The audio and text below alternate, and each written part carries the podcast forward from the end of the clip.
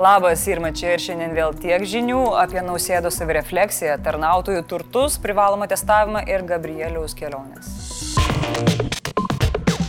Prezidentas Gitanas Nausėda apžvelgė savo antruosius kadencijos metus. Jo ekscelencija kaip tikras ofiso vadybininkas pasiekimams pristatyti pasidarė PowerPoint prezentaciją.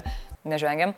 Prezidentas sako, kad darbų būtent. Sveikatos ekspertų taryba, kurią subūriau 2020 m. spalio mėnesį, daug prisidėjo prie to, kad politikai, ypač pereinamoji laikotarpiu, gautų mokslo žiniomis paremtas prognozes ir pasiūlymus.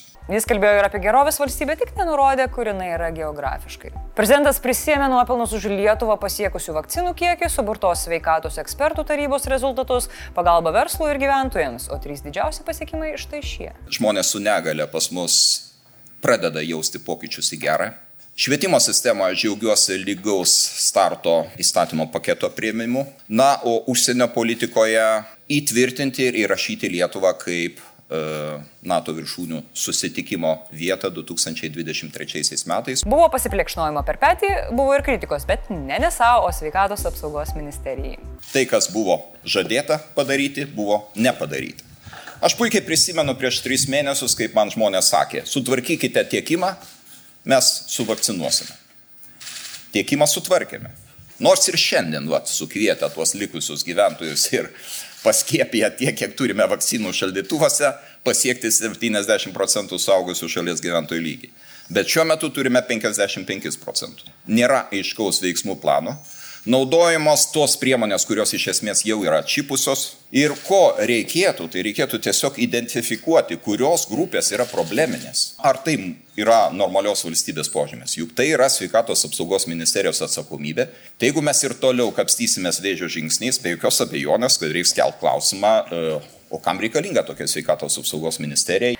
Nenoriu gadinti vakarėlių jūsų ekscelencija, bet didžiausia nesiskiepijančių žmonių grupė yra kaip tik tarp jūsų draugelių maršiečių. Gal jums reikėtų su jais pasikalbėti, please? Sveikatos apsaugos ministras į prezidento užuomenės atsakė lakoniškai. Premjerė mane pakvietė, premjerė mane ir iškvies. Didžiausia savo klaida prezidentas įvardijo per dažną komentarų skaitimą. Pačioje kadencijos pradžioje aš pernelyg daug žiūrėdavau ir skaitydavau, kas ką pasakys, kas ką pakomentuos. Šiandien aš šito atsisakiau, aš stengiuosi kalbėti su žmonėmis, nes tai pats geriausias šaltinis sužinoti, kaip atrodo situacija iš tikrųjų. Prezidentas turbūt turi galvoje jo patarėjo pokalbį su telefonu ir pusiau slaptas žmonių apklausas. Šalies vadovas kalbėjo ir apie socialinę neligybę, o jeigu tiksliau, apie pirago dalybas. Tačiau siekdami tvaraus augimo turime mažinti socialinę atskirtį, imtis esminių pokyčių energetikoje, žaliojoje ekonomikoje skaitmenizacijoje. Tai nereiškia, kad paprasti Lietuvos žmonės pusbadžių lauks, kol kepsime didesnį piragą.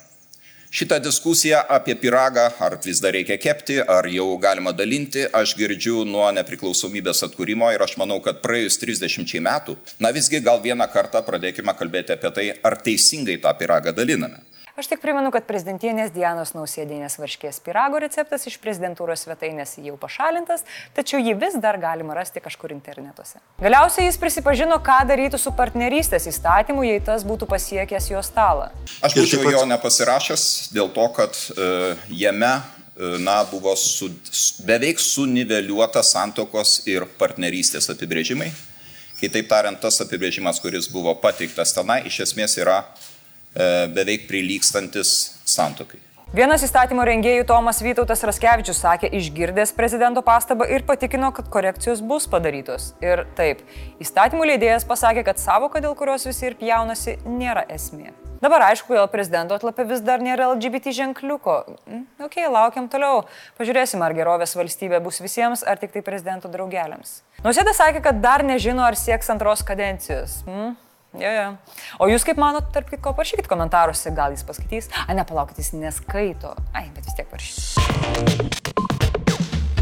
Valstybinė mokesčių inspekcija paskelbė beveik 48 tūkstančius viešų turto deklaracijų duomenų išrašų. Žiūrim, ką turim. Pradėkime nuo Seimo narių ir jų asmeninių lėšų. Turtingiausioje pozicija iš dabartinių parlamentarų atitenka Seimo ir biržų gėdai Valdemarui Valkiūnui su 5 milijonais eurų, iš kurių milijonas akcijomis.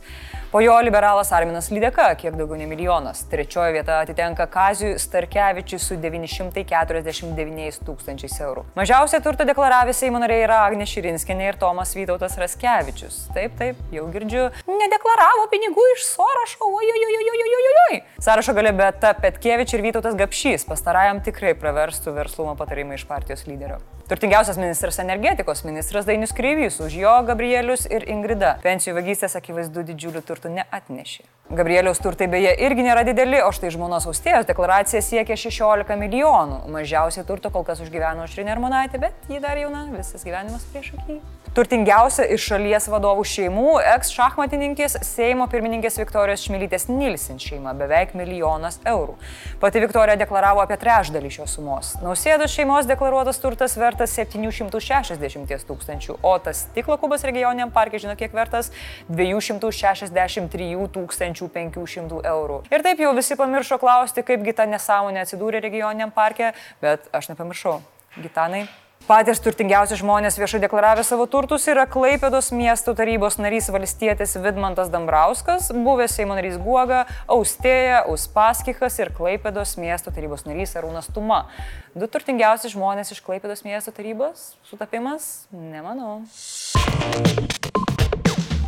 Sveikatos apsaugos ministerija pasiūlė, o vyriausybė pritarė privalomam testavimui dėl koronaviruso. Nuo Liepos 26 dienos krovinių ir keliaivių vežėjai, pramogų, maitinimo įstaigo ir kitų sričių darbuotojai bei kariai galės dirbti tik, jei turės neįgiamus testus. Šis reikalavimas įvestas siekiant greičiau išsiaiškinti naujus delta atmainos atvejus ir paskatinti žmonės skiepytis. Ministras Arūnas Dulkys sakė, kad pasiskiepėję neturėtų kentėti dėl nepasiskiepėjusių zuikiavimo. Ingrida Šimodytė sprendimą grindė naujų viruso atmainų atmainų platinimu. Ji išvelgia to sąsąją su vežėjais, tačiau jos žodžiams pagrysti institucijoms trūksta informacijos. Minėtų sektorių darbuotojams tikrintis reikės ne dažniau kaip kas septynės ir nerečiau kaip kas dešimt dienų. Skiepai nemokami, testai kainuoja, taigi sprendimas logiškas. Plus Lietuvos šaldytuvuose dūla daugiau nei 800 tūkstančių nepanaudotų vakcinos dozių, taigi skubinamės, kol nepakvipo. Panašų sprendimą privalomai testuoti jau priemė Italija, Prancūzija ir Graikija. Po to, kai mokslininkai perspėjo apie galimą ketvirtąją COVID-19 bangą, šių valstybių valdžios nusprendė, kad visi sveikatos priežiūros darbuotojai turi būti paskiepyti arba rizikuoja negauti atlyginimo. Prancūzai nuo rūpjūčio nepasiskiepijusių neįleis ir į kavines, barus ir restoranus.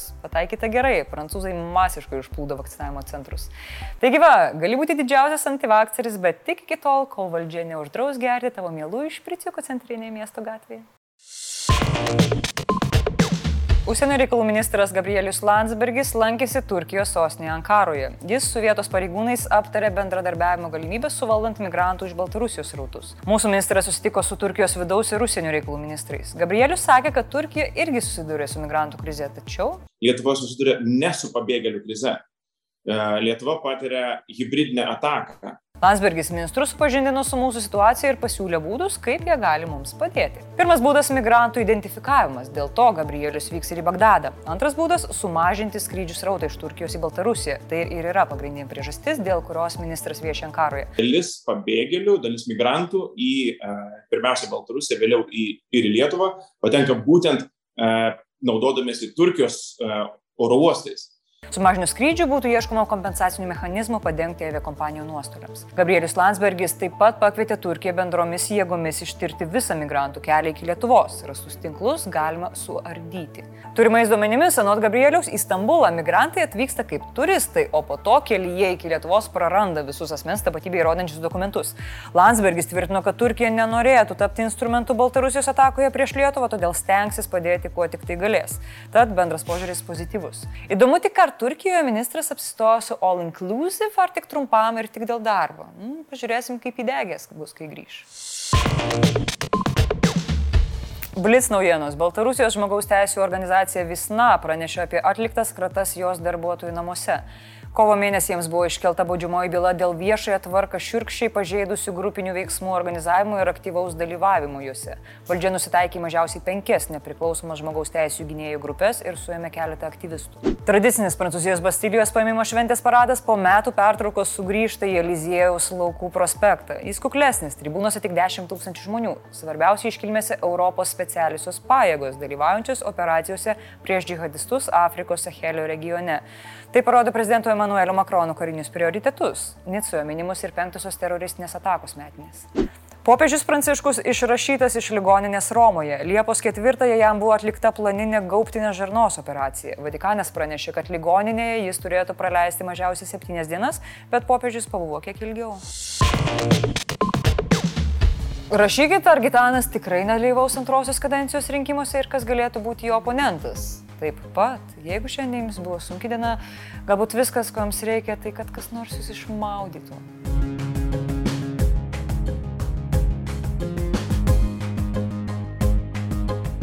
Tai iki rytojus tiek žinių. At ką aš daugiau galiu sakyti?